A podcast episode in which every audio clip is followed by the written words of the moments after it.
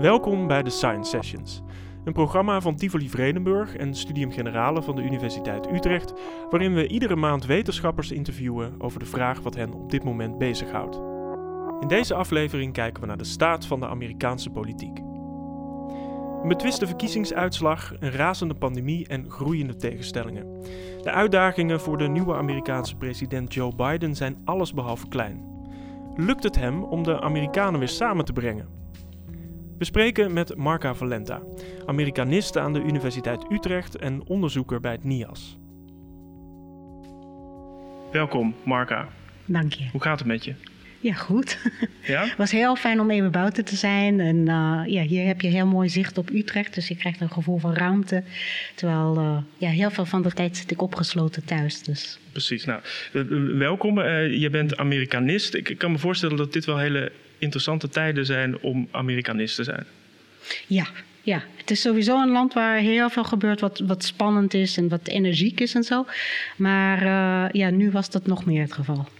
Ja, even een, een, een aantal dingen. Uh, we hebben de, misschien wel de meest betwiste verkiezingen ooit gehad. Uh, de uitslag die leidde zelfs tot een aanval op het, op het kapitool. Er is een pandemie. er is een tweede impeachment voor Trump. en in die, die hele chaos is, is Joe Biden ook nog eens aan zijn, zijn termijn begonnen. Daar gaan we het over hebben, ook over Joe Biden, wat hij met het land wil. Um, maar laten we eens even beginnen bij, bij de Republikeinse Partij. Daar is, daar is momenteel een richtingenstrijd gaande tussen de... Nou ja, de oude garde uh, en de Trumpisten. waar zie je dat naartoe gaan? Ja, nou, wat, dus wat, wat, de, de, wat het leiderschap van de politieke partij probeert te voorkomen, zeg maar, is dat er een splitsing is. Uh, en de mogelijkheid van een splitsing, dat is meer reëel geworden uh, door de bestorming van de Capitol. Mm -hmm. uh, want dat zette alles op scherp. En ja. vanaf dat, tot dat moment konden Republikeinen eigenlijk ermee wegkomen dat ze niet echt positie innamen, publiekelijk zichtbaar, uh, in verhouding tot Trump en uh, hoe hij te werk gaat. Mm -hmm. En op dat moment uh, werd dat veel moeilijker. Um, en dus wat je ziet is in eerste instantie was er uh, door een gedeelte van de Republikeinen die gingen Trump scherp veroordelen. Mm -hmm. uh, Mitch McConnell, die meestal de kaarten heel dicht bij zijn borst houdt, uh, ging zelf ook kritiek op Trump uiten. Wat heel Mitch, uitzonderlijk Mitch, Mitch McConnell is even oh, voor de, en de kijkers, ja. dat, dat ja. is een beetje de fractievoorzitter zeg maar, van de Republikeinen in de Senaat. Precies, ja. precies. Uh, dus een heel machtige, uh, invloedrijke rol. Mm -hmm. En uh, dat is iemand die, die meestal eigenlijk niet zegt wat hij denkt. En mensen heel lang laat wachten totdat ze ontdekken wat zijn positie zal zijn en wat zijn handelingen zullen zijn. En hij ging na de bestorming van de Capitol, ging hij Trump en, en de rol van Trump daarin ging hij heel sterk veroordelen. Mm -hmm. um, dat lijkt me ook een risico om dat te doen. Omdat natuurlijk wel zoveel mensen op Trump hebben gestemd. Dus het lijkt me wel een risico om als partijleider te zeggen: dit veroordeel ik hard. Ja. En deze kant, deze, nou ja, deze, deze lijn in de partij, die wil ik eigenlijk niet zien. Ja, uh, maar er speelden twee dingen. Ik denk aan de ene kant was het zo dat. Uh, dat de mensen de, van, van het Senaat en van het congres, alle twee, mm -hmm. uh, dat zij op dat moment hadden de, de, dat ze de bestorming meemaakten, moesten zij zich verschuilen. Uh, zij hadden het gevoel echt dat het gevaar van dichtbij kwam, uh, dat zij gevaar, zelf gevaar liepen. Uh, dus zij voelden zich persoonlijk aangevallen. Hmm. Dus dat is iets heel anders dan zeg maar een politieke afstand of een afstand op Twitter of zo. Ja. De, daar zijn een heleboel mensen van geschrokken, heel diep geschrokken, en dat raakte ze. Dus ik denk dat was één element. Mm -hmm. hij, dus hij, hij vond dat gewoon niet kunnen. Het is ook een conservatief. Uh, dus uh, als conservatief vindt hij dat instituties uh, um, best heilig zijn, zeg maar. Mm -hmm. En wat je zag was met de bestorming van de Capitol. ik weet niet hoe je dat zegt, een desecratie. Zeg je dat zo? Ontheiliging. Ontheiliging, ja. Ja, dus je zag een ontheiliging van, van iets wat voor hem uh, zo ongeveer het meest waardevolle in het leven is. En dat ja. is het Amerikaanse politieke stelsel en de symboliek daarvan, waar dat allemaal plaatsvindt. Um, en dan het laatste was dat je net op dat moment had je verkiezingen gehad in Georgia. In Georgia uh, had je onverwacht, semi-onverwacht, kreeg je in plaats van twee Republikeinse senatoren, kreeg je twee Democratische senatoren die de verkiezing hebben gewonnen. Door hun komst naar het Senaat uh, hebben de Republikeinen hun meerderheid in het Senaat verloren. En dat betekende dat Mitch McConnell zijn functie verloor als uh, leider in het Senaat van Ja. de grootste partij. Dat is een ambt wat hij zijn hele lang, leven lang heeft geambieerd. Hij had die functie en juist door de invloed van Trump en hoe de uitwerking van de radicale kant van de Republikeinen, heeft hij dat verloren. Mhm. Uh, dus dat speelde op dat. De verkiezingen waren op 5 uh, januari geweest. Dus op 6 januari was al duidelijk welke kant het op ging. Uh, en ik denk dat de emoties van dat ook, zijn verlies van zijn uh, geliefde positie in het Senaat, uh, waarschijnlijk ook meespeelden. Ja, dus je zegt eigenlijk die, die afstand die een deel van de Republikeinse Partij nu pas eigenlijk neemt van Trump, komt omdat ze heel erg geraakt zijn door die, door die aanval, omdat ze zich persoonlijk aangevallen voelen, omdat die instituties eigenlijk, zoals dat, dat congres ook zijn, zijn aangevallen, die ze, die ze heilig uh, achten. Ja. Uh, uh, en dus bij zo'n Mitch McConnell die eigenlijk Trump de schuld geeft dat hij zijn functie kwijt is. Ja, ja, dus het was, want je, je, je had een, hoe zeg, een heel tegenstrijdige boodschap aan de kiezers. Uh, dus je had een, gekiezing, een verkiezing voor de senaatszetels in Georgia. Mhm. De, de uitkomst van de oorspronkelijke verkiezing was, was niet duidelijk genoeg geweest. Dus je moest een, hoe zeg je, een tweede ronde hebben. Ja. Oké. Okay. En die tweede ronde die kwam dus op een moment dat Trump en de achterban van Trump juist aan het zeggen was van je kan de verkiezingen niet vertrouwen. De uitkomst ervan is niet geloofwaardig, er is gerommeld, er is fraude gepleegd enzovoort. Maar tegelijk was het zo dat uh, mensen, de Republikeinen, wel moesten gaan stemmen. Dus als je tegelijk tegen je stemmer zegt van het systeem is niet geloofwaardig ja. en je moet gaan stemmen, ja. dan weten mensen niet precies wat ze moeten doen. En dat is wat je dus zag in Georgia voor een gedeelte. Er speelden allerlei verschillende dingen. Maar één element daarvan was dat gewoon minder Republikeinen gingen stemmen Mhm. dan hadden gekund. Deels omdat de boodschap vanuit Donald Trump en vanuit die hele rechtse complotdenkende hoek van de Republikeinen zo falikant tegen dat hele stelsel van, van stemmen was. Ja, en je had het net over een, over een opsplitsing. Kom- Komt er echt een opsplitsing in die partij dan? Betekent dat dat er een andere partij Ja. komt? Ja, dat er een andere partij wordt gevormd? Misschien wel door Trump? Ja, hij heeft daarmee geflirt, zeg je, geflirt. Uh, Mhm. Ja. ja. Dus hij, hij zei, nou, hij wil misschien een soort patriottenpartij uh, Ja. oprichten, Patriot Party. Uh, dat zou funest zijn voor de Republikeinen, want dat, dat betekent dan eigenlijk dat je de, de, de overwinning aan de Democraten geeft, omdat de andere twee te klein zijn. Uh, maar de- dus ik zie dat veel meer uh, ja, als een soort bedreiging voor de Republikeinen. Van als jullie niet goed naar mij luisteren, dan ga ik dat doen. Mhm. En dan zien jullie waar jullie belanden. Ja. Uh, dus het is meer, denk ik, dat. Uh, maar aan de andere kant, wat je ziet op dit moment, is dat je die, die spanning hebt tussen aan de ene kant heb je Liz Cheney, uh, vooraanstaande leider in de Republikeinse Partij. Het is de dochter van Dick Cheney, de Ja. vicepresident onder eh, Bush. George Bush. Ja, Ja. ja. En, dus, en zij wordt gezien als iemand die, die een van de, zeg maar in de top drie van de meest machtige Republikeinen is, misschien de kant op gaat van dat zij het leiderschap van de Republikeinen zal overnemen. Uh, zij, uh, en zij heeft op dit moment ook een, een formele leiderschapsrol binnen de partij. Zij heeft gestemd uh, voor de impeachment van Donald Trump en zij was heel fel in haar afkeuring van hem. Een gedeelte van de Republikeinen wil dat zij dus ontheven wordt van haar leiderschapsrol Ja. en dat zij afgestraft wordt. Ja. Tegelijk heb je iemand anders, Marjorie Taylor Greene, ook uit Georgia, Ja. maar in het Huis van Afgevaardigden. En zij is QAnon-aanhanger en zij heeft allerlei soort complotdenken heeft ze bevorderd of ondersteund in het verleden. Uh, en zij heeft uh, een aantal uitspraken gemaakt die, die ontzettend pijnlijk zijn. Dus bijvoorbeeld, uh, je had een schietpartij op een middelbare school, Parkland. En uh, zij heeft bijvoorbeeld gezegd van, oh, dat was iets wat de democraten een anti-wapenlobby in stand gezet hebben. Dat is helemaal niet gebeurd, maar dat was alleen maar om mensen tegen wapens op te ruien, zeg maar.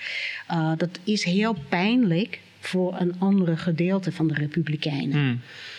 die willen juist dat zij afgestraft wordt net gisteren had je, en, en net op dit moment, is er uh, de vraag in het huis van zo zal één van die twee afgestraft worden. En wat de uitkomst lijkt te zijn, is geen, ze worden alle twee, uh, en vooral de, de QAnon-aanhanger, Marjorie Taylor Greene, zij zal worden berispt. Zij heeft haar excuses uh, mm -hmm, yeah. privé aangeboden, niet publiekelijk.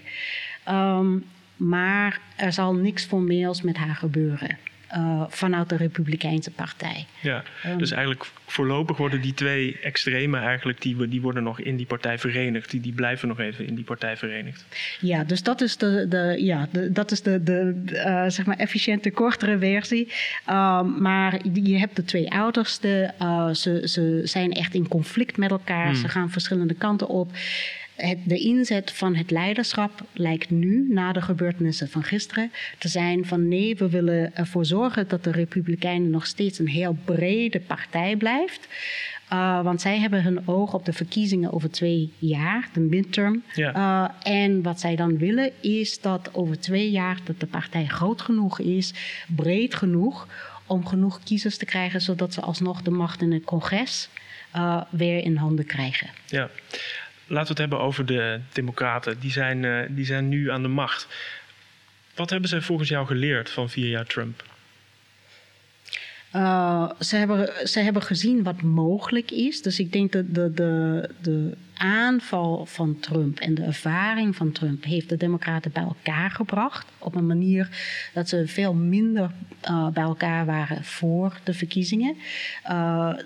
In de verkiezingen van vier jaar terug, wat je zag, was eigenlijk dat er ook een soort splitsing was in de Democratische mhm. Partij. Mm -hmm. Tussen de echt de, de, de vleugel die naar links aan het schuiven was. Bernie en Sanders. Bernie Sanders, Elizabeth Warren, but yeah. also um, um, Alexandria Ocasio-Cortez, Ilhan Omar enzovoort, de squad. Yeah. Dus je zag dat er een, een linker vleugel uh, heel erg aan het ontstaan was, maar dat het midden van de partij helemaal niet die kant op wilde.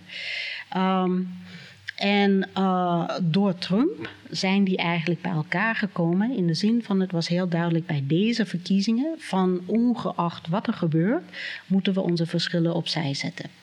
De spanningen die zijn er nu nog, maar tegelijk ook het bewustzijn van je kan ze niet te groot laten worden, want anders mm -hmm. gaan we alles kwijtraken. Ja. Dus ik denk dat is één heel belangrijk effect. Iets anders wat je ziet is eigenlijk uh, dat um, uh, Biden heel klaar is. Hij, hij wil wel handreikingen maken richting de Republikeinen. Heeft hij gezegd. Uh, dat zet hij ook om in daden met de mensen met wie hij in gesprek gaat. Uh, de soort beleid wat hij ontwikkelt enzovoort. Maar aan de andere kant is hij helemaal bereid uh, om echt de, de meerderheid uh, hoe zeg je dat? Het feit dat de Democraten de macht hebben, mm -hmm. om dat te gebruiken om zijn beleid te verwezenlijken. Um, en dat is anders dan vier jaar terug, want toen waren de Democraten veel meer voorzichtig. Ze speelden, uh, ze waren niet zo gericht op heel snel uh, heel veel succes hebben. Um, dus ik denk, en wat ze ook verder hebben geleerd, is eigenlijk dat ze rekening moeten houden met wat gebeurt er in de delen van het land die niet langs de kustlijnen zijn. Mm -hmm. uh, daar heb je dat er heel veel uh, economische um, uh, um, achterstand is. Je hebt dat mensen hun banen kwijtgeraakt zijn. De productiesector loopt achter. Al dat soort dingen. dus hij ontwikkelt nu beleid en ook de communicatiestrategie om die mensen weer wat meer te betrekken bij de Democratische Partij.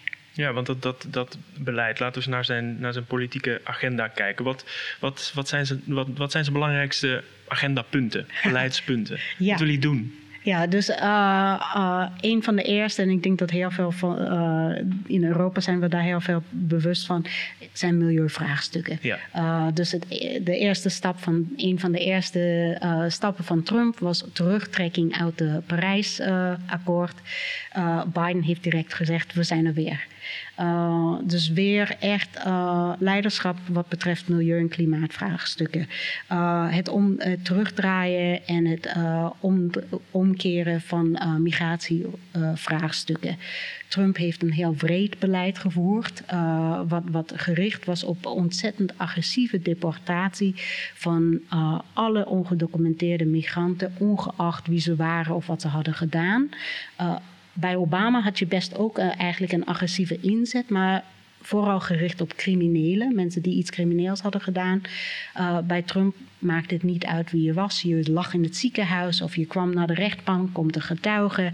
Overal kon de immigratiepolitie je pakken, je in een vliegtuig zetten uh, en je uit het land zetten.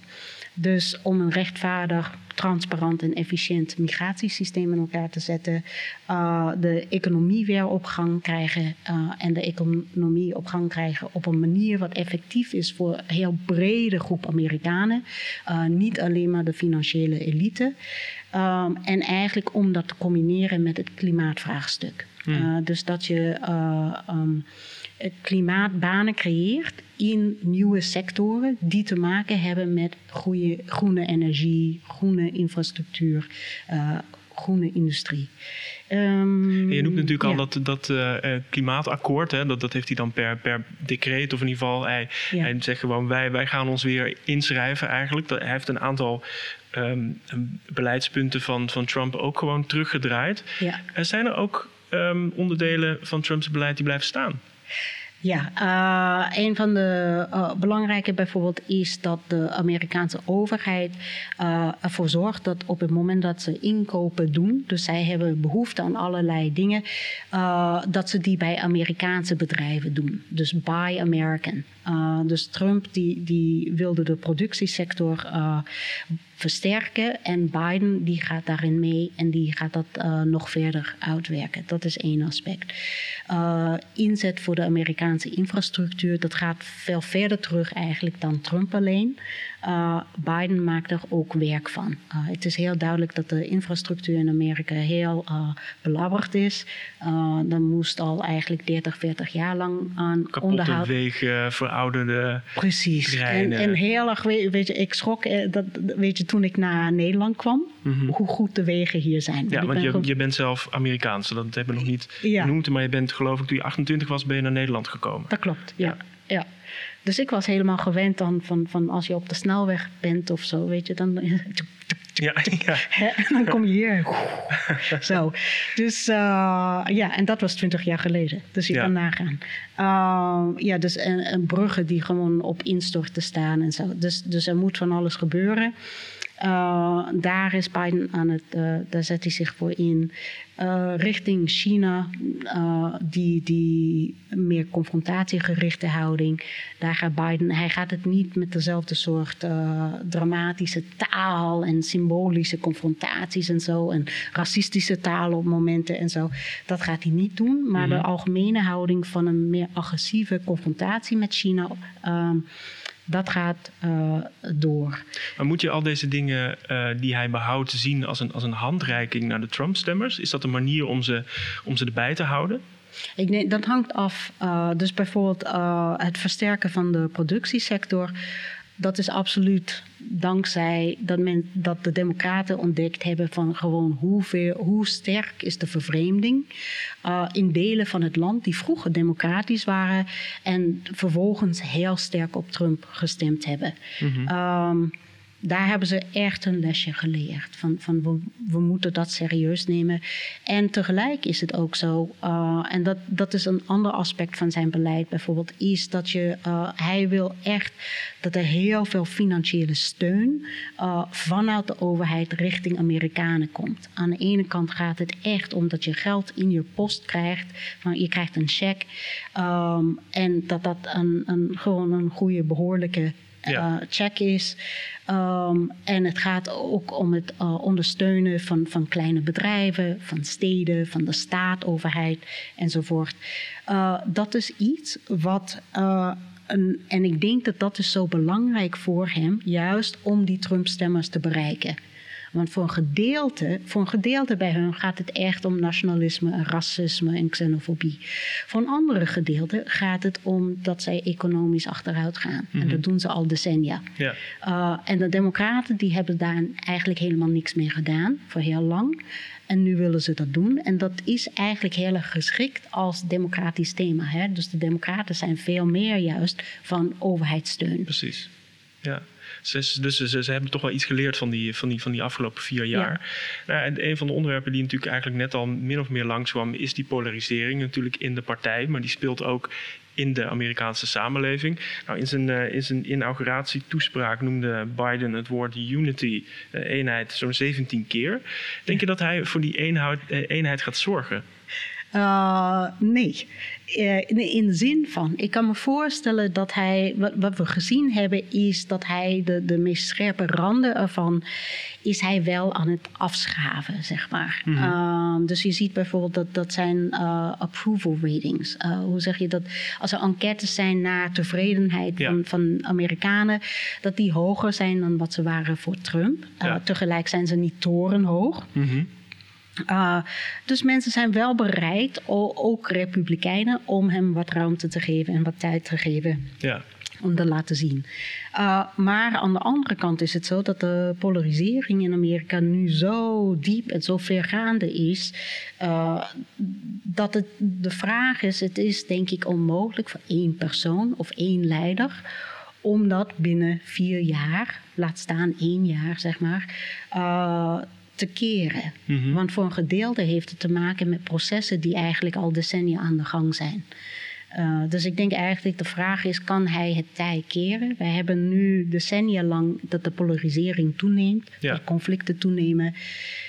Kan hij dat keren? Uh, dat moeten we nog zien. Ja, ja het is ook wel, uh, ik denk dat de vraag ook is, hoeveel kan, kan een democratie hebben aan ja. polarisering? Wat denk jij? Ja, nou, ik denk dat we, wij hebben, wij zitten nu, zeg maar, denk ik, aan de rand van wat het kan hebben. In de zin dat, van, dat de volgende stap geweld is. En ik denk dat is en de volgende stap was er al. Natuurlijk. Precies, ja. precies. Die dus, aanval op het kapitool, dat was natuurlijk al geweld. Ja, ja. en dat is ook, als je kijkt naar enquêtes bijvoorbeeld, uh, bij Republikeinen en bij Democraten, dan is er een enorme vervreemding uh, tussen de twee partijen. Bij de Republikeinen is de afkeer van Democraten net ietsje sterker dan andersom.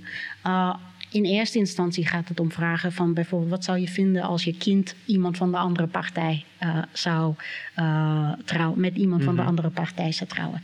Best veel ouders, als ze democraat of republikein zijn, zouden dat eigenlijk niet willen.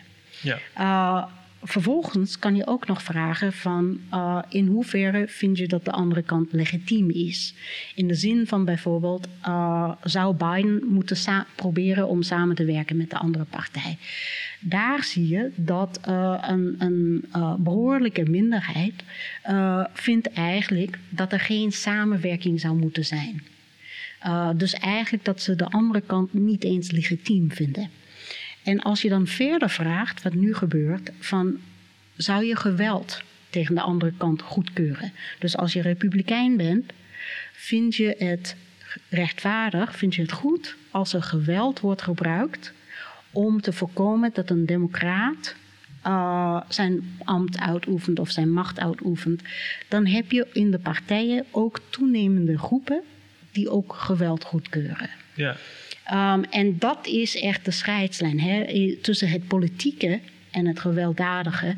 Um, en uh, waar ik vaak aan moet denken is, is uh, je hebt een politiek filosoof, die heet Chantal Mouffe. Mm -hmm. uh, en Chantal Mouffe heeft een argument gemaakt waarin zij zei van heel vaak als wij denken over democratische politiek, dan denken we nou dat gaat over rationeel overleg en dan moeten mensen dingen bespreken en zo kom je eruit en vind je een gedeelde oplossing. Nou, zonder emoties, jij en ik praten met elkaar over, over een onderwerp. Ik zeg nou misschien heb je gelijk, oké.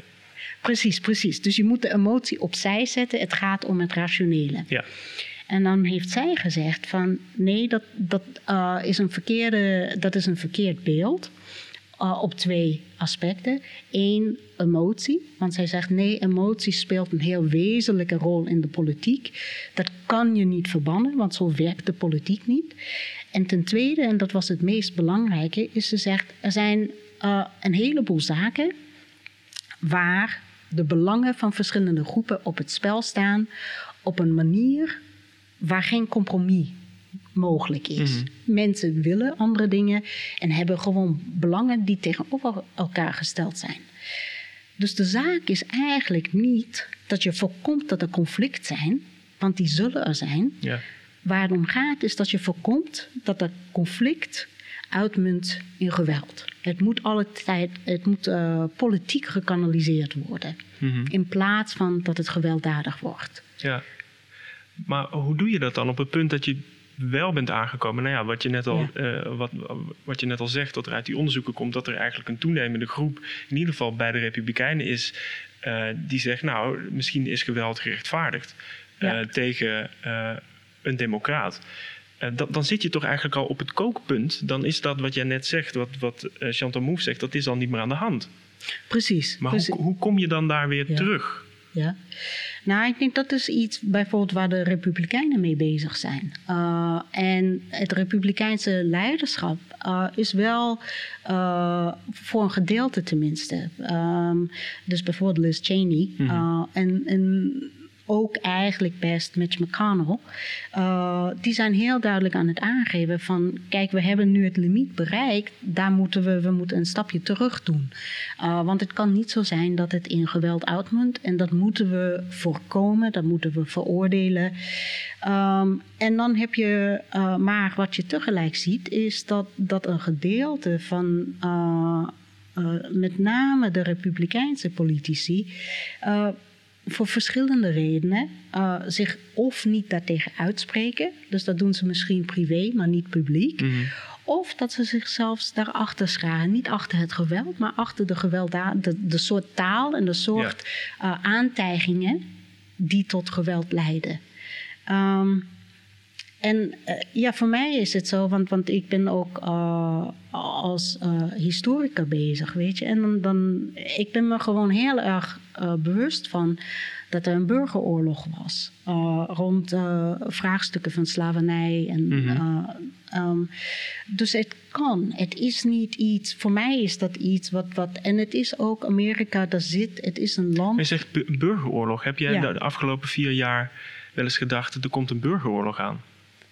Ja, het is iets waar, waar, waar ik. Uh, wat ik vond dat je wel binnen je, je uh, gezicht, zeg maar, je moest het wel in het kader zetten. Dus het was wel een van de aspecten. Het was niet zo van, nou, dat, dat, dat kan absoluut niet. Mm -hmm.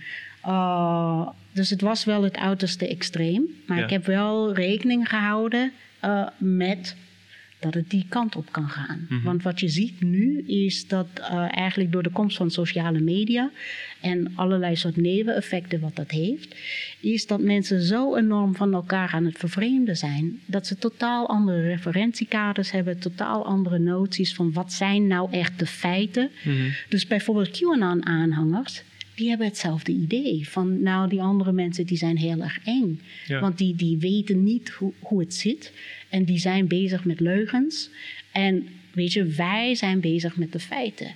Dus je hebt, uh, en zodra je groeperingen hebt die uh, verhalen hebben die zo in conflict met elkaar zijn. Op het moment dat, ze, dat zich ver, vervolgens vertolkt naar het politieke en naar het sociale, heb je ook mogelijkheid dat het zich vertolkt naar iets wat gewelddadig is. Mm, dat het escaleert. Ja, nou niet alleen maar dat het escaleert, maar waar het eigenlijk waar het mij om gaat is, uh, is het, het, als er geweld is, het geweld wat bedreigend zou zijn, het geweld wat tot een burgeroorlog zou leiden, mm -hmm. dat is georganiseerd. Dus je moet georganiseerde milities hebben, bijvoorbeeld. Ja. Of georganiseerde politiegroeperingen of uh, dat soort dingen.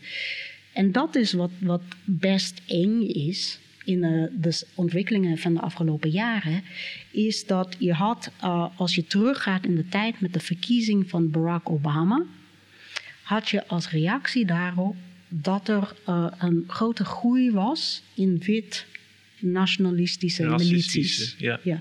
Dus milities die, die heel erg inzetten op wapens en georganiseerde bijeenkomsten, die ook uh, expliciet ja, racistisch waren, uh, nationalistisch, anti-overheid enzovoort. Dat waren heel kleine groeperingjes, mm -hmm. zeg maar. Met de verkiezing van Trump, die met zijn taal uh, en met een aantal van zijn standpunten dat allemaal legitimeerde. Dus het wit nationalisme legitimeerde. Ja. Zag je een groei in die groeperingen. Ja. Um, en in de, de, de tijd, net voor de verkiezingen, zag je ook dat zij bereid waren om, uh, uh, om echt tot handelen te Ja. treden.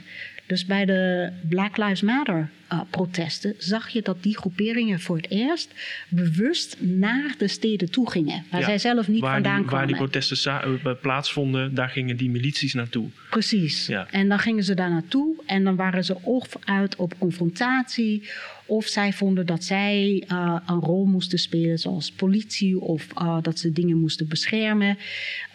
Maar dat ze echt bereid, zij gingen juist de confrontatie opzoeken Mhm. en gingen naar plekken waar ze niet vandaan kwamen. Ja. Als georganiseerde groep. Ja. En dan gingen ze ook uh, heel zichtbaar door de straten rijden. Uh, je had een jongen uh, van 16, denk ik, was die in die tijd. Die heeft ook een aantal mensen doodgeschoten. Um, dus, dus er, er, kwam meer geweld. En het was geweld wat bereid was om naar uh, andere plekken toe te gaan. En dat deed op een georganiseerde manier. Mm -hmm. Je had ook dat in Michigan was er uh, een complot om de, zeg je dat zo? Niet een complot, maar het was echt een serieus plan. Om de gouverneur van de staat uh, te kidnappen. Ja. Gevangen te nemen. Ja. Hè? Ontvoeren, uh, ja. Te ontvoeren, precies. De FBI die heeft dat verijdeld. Maar dat was een heel serieuze plan. Uh, wat zich richtte op een legitieme politieke leider. Mm -hmm. Omdat ze het niet eens waren met haar besluit ja. uh, als gouverneur. Uh, wat dat betekent is dat zij aan het groeien zijn in hun organisatie gaat, in hun radicalisering, in hun bereidheid om te interveneren in het politieke proces en de normale samenleving. En, en, en is het genoeg uh, dat de Republikeinse Partij dat veroordeelt? Moet er niet veel meer gebeuren om dat te ondermijnen? Zodat Ja. het wordt tegengehouden, die groei en die dreiging dus. Ja, en wat je ziet dus is dat, dat het, het was ook niet echt op de radar, radar van, van de, de FBI en van de allerlei zeg maar, veiligheidsapparaten in, in uh, Amerika. Na de Capitol is dat absoluut op de radar. Dus dat is één, is dat je krijgt de nationale overheid is nu daar heel actief bezig Ja. om veel be- beter zicht daarop te krijgen met in hun bewustzijn van zeg maar, wat de reële dreiging is. Ja. Uh, dat is één aspect. Uh, je ziet ook dat ik denk dat in het bewustzijn van de Republikeinen de neiging om te gaan zeggen van ja, mensen zeggen van alles, Ja. maar ja, dat menen ze niet Precies. of zo. Dat is afgenomen. Ja. Um, dus dan zeg je, je hebt ook ja, dat een gedeeldheid veroordeeld. Dus het is dat het vertaald wordt naar de overheid. Uh, en en de, de, hoe zeg je, de politiekracht van de overheid, Mm -hmm. die ervoor gaat zorgen dat dat voorkomen moet worden. ja. Ben, je, ben je hoopvol over de toekomst van, uh, van jouw eigen land? Ja, nou kijk, dat is ook, want ik zie dit als iets wat niet alleen maar in Amerika speelt, maar Hmm. dat speelt overal. Hè. Dus ik was uh, heel toevallig vanochtend kwam ik een, een uh, bericht tegen, een krantenbericht tegen, dat, dat uh, de democratieën overal in de wereld eigenlijk aan, het, aan de verliezende kant zijn op het moment. En dat was inclusief niet alleen maar de Verenigde Staten, maar ook West-Europa. Uh, en wat we zien is gewoon dat er heel veel druk is op onze samenleving. Uh, door uh, de, de, toenemende economische ongelijkheid, door diversiteitsvraagstukken, door de rol van sociale media. En dat wij nog niet de oplossing daarvoor hebben gevonden. Um, ik ben altijd, uh, zeg maar, mijn, mijn karakter is altijd optimistisch. Mm -hmm. dus ik heb een heel sterk geloof in menselijke creativiteit uh, en de menselijke vaardigheid om oplossingen te vinden. maar wat ik niet weet is of we dat gaan doen zonder dat er nog meer geweld is dan wat we nu hebben. dat hoop ik heel erg. Maar ik hou rekening met dat het ook misschien mis kan gaan. Hmm. Dus je zou eigenlijk ons ook allemaal willen oproepen om toch ook wel realistisch te zijn. Om ons bewust te zijn van de risico's van de huidige tijd. Dat geweld dus blijkbaar wel ergens op de loer ligt. Ja, nou, dat het, dat het op de loer ligt, maar ook uh, zeg maar dat wij ons echt als individuele burgers, hier klink ik heel Amerikaans, dat wij ons uh, moeten inzetten om dat te voorkomen. In de zin van, ik denk dat mensen uh, op het moment dat je gewend bent aan een staat die goed functioneert en aan een democratie die goed functioneert en zo, dat mensen zich niet kunnen voorstellen dat dat gaat veranderen. Want je denkt, ja, weet je, wij weten van de Tweede Wereldoorlog, ja, dat is gebeurd. Of je weet van de Amerikaanse burgeroorlog, of je ziet het in andere landen, Syrië of zo. Maar je, dat voelt altijd alsof het heel ver weg is. Maar als je erkent van, ja, dat waren ook, zeg maar, mensen die gevangen raakten in processen. Uh, dan brengt dat je een stap dichterbij om te erkennen van de enige die dat kan voorkomen. Weet je, dat zijn niet de politici of zo, dat zijn wij. Uh, en dat, het is een heel lastig probleem. En tegelijk zijn wij de enigen die dat kunnen oplossen. Dus wat ik zou willen is dat mensen heel erg uh, gewoon even gaan nadenken van oké, weet je, in plaats van dat je je onmachtig voelt of het gevoel hebt van ja, die processen zijn zo groot en ik ben zo klein. Of dat is niet mijn taak, of wat dan ook. Hè? En ik denk meer dat mensen het idee hebben van onmacht. Dat je begint te herkennen van de manier waarop wij democratieën kregen, was doordat individuen zich inzetten. Uh, dus dat is ook de manier dat wij het geweld gaan voorkomen. Je luisterde naar een aflevering van de Science Sessions met Amerikanist Marca Valenta. Benieuwd naar meer afleveringen? Ga naar sg.uu.nl/podcast of abonneer je op je favoriete platform.